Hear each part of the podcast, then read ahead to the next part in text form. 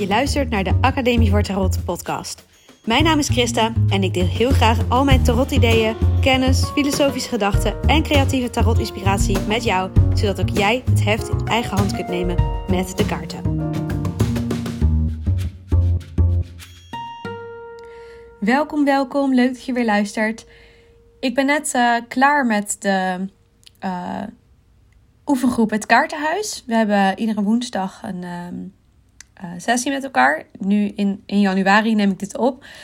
deze podcast komt in februari uit. Dus waarschijnlijk krijgt het Kaartenhuis wel een vervolg. Maar dat is nog nu op het moment van spreken nog een beetje onzeker. maar goed, ik kreeg naar aanleiding daarvan van een van de deelnemers een mailtje. En daar wilde ik een podcast over opnemen. Zij zegt: Wat een fijne sessie was dat. Leuk om zo met elkaar bezig te zijn. Ik besef dat ik soms niet zo subtiel ben. Ik hoop dat ik tijdens deze sessies daar nog wat aan kan schaven. En ik vind het zo mooi dat ze dat mailt. Ik denk eerlijk gezegd dat zij nog niet eens uh, het minst subtiel was van de mensen die er waren. Um, dit is denk ik een super belangrijk leerpunt voor heel veel mensen die kaarten leggen voor andere mensen. Je bent namelijk al vrij snel geneigd om jouw interpretatie van de kaarten te brengen als een feit. En te zeggen, ik zie in de kaarten dat je zus of zo bent, of dit of dat hebt meegemaakt, of, of soms ook dat er dat voor je in het verschiet ligt. Nou, dat vind ik natuurlijk al helemaal een lastige, want ik voorspel niet met de kaarten. Maar goed, daarover kunnen we van mening verschillen. Uh, maar ik denk dat het heel belangrijk is als je kaarten legt voor anderen, dat je leert hoe je jouw interpretaties net even wat subtieler kunt brengen. En vooral ook zodanig kunt brengen dat de ander de ruimte heeft om er zelf even over na te denken. En echt even zichzelf te kunnen afvragen van is dit inderdaad zo voor mij?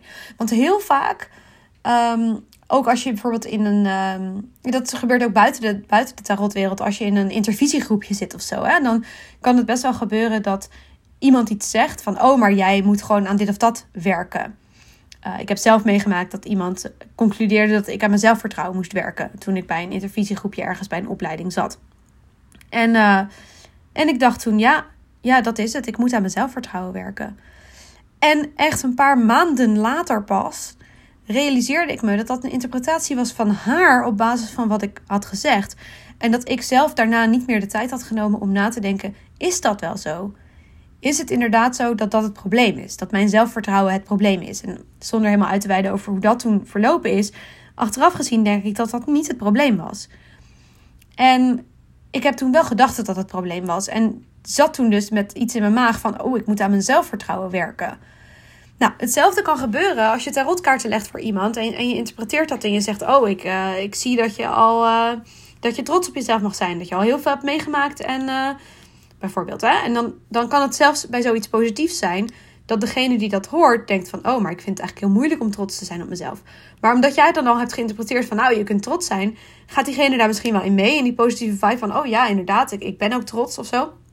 Terwijl, um, ja, misschien dat die kaart juist uitnodigde om dat thema trots eens nader te onderzoeken. En te kijken, voel je je daar goed bij? Uh, nou ja, ik, ik ben nu in het wilde weg maar gewoon een voorbeeld aan het geven. Uh, daar gaat het eigenlijk helemaal niet om.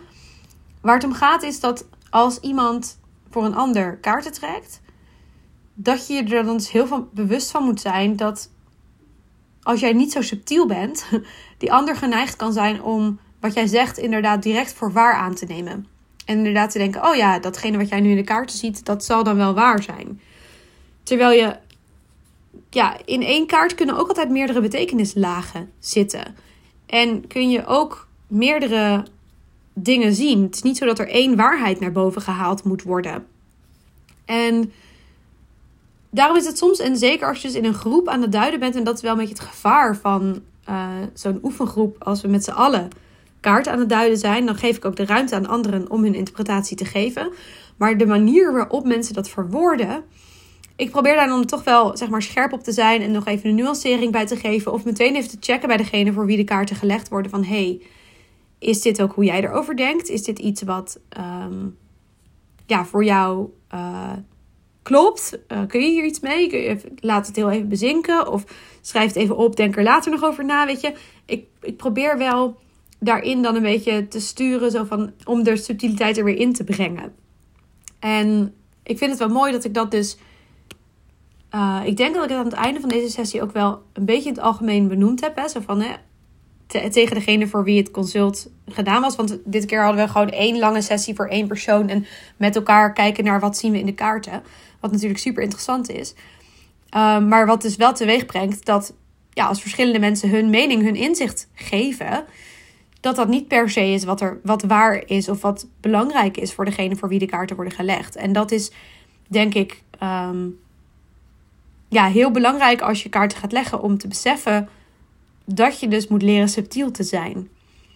En dat is niet altijd vanzelfsprekend en gebeurt ook niet altijd. Soms zijn mensen zo overtuigd van hun interpretatie van de kaarten dat het ze niet lukt om ja, wat subtieler te zeggen van oh nou misschien is dit zo of zo, weet je wel.